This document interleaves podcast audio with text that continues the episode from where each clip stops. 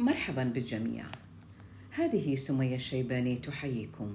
في بداية إطلالتي من خلال هذه المنصة سأحاول نقل تجربتي الروائية. ورغم تعلقي بروايتي الأولى حارسة النخيل إلا أنني سأبدأ بروايتي الثالثة هي التي رأت. بالطبع أتمنى أن أتلقى منكم بعض التعليقات لكي أستمر في إيصال كتابي لأكبر عدد ممكن من المتلقين. إيمانا مني بأهمية القراءة وفوائدها على الروح والعقل ولأن منصة بودكاست تتيح لنا اللقاء عبر الصوت والصورة معا فإنني بكل تأكيد سأشعر بالسعادة حين تتكون لدي قاعدة من الصداقات من خلال الذين يستمعون لهذه النصوص.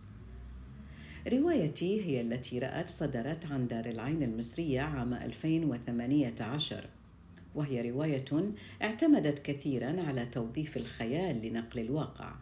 تتحدث عن شخصية تتكرر على مدار الأزمنة لأنها تريد إنقاذ أو إسعاد من تحب.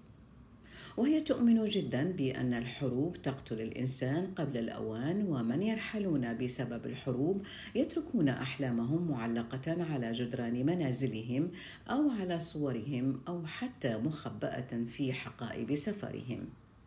أحلامنا لا تموت معنا وكذلك أرواحنا. تستمر في محاولة العودة لتحقيق ما لا يمكننا تحقيقه أو ما لم يمكننا تحقيقه.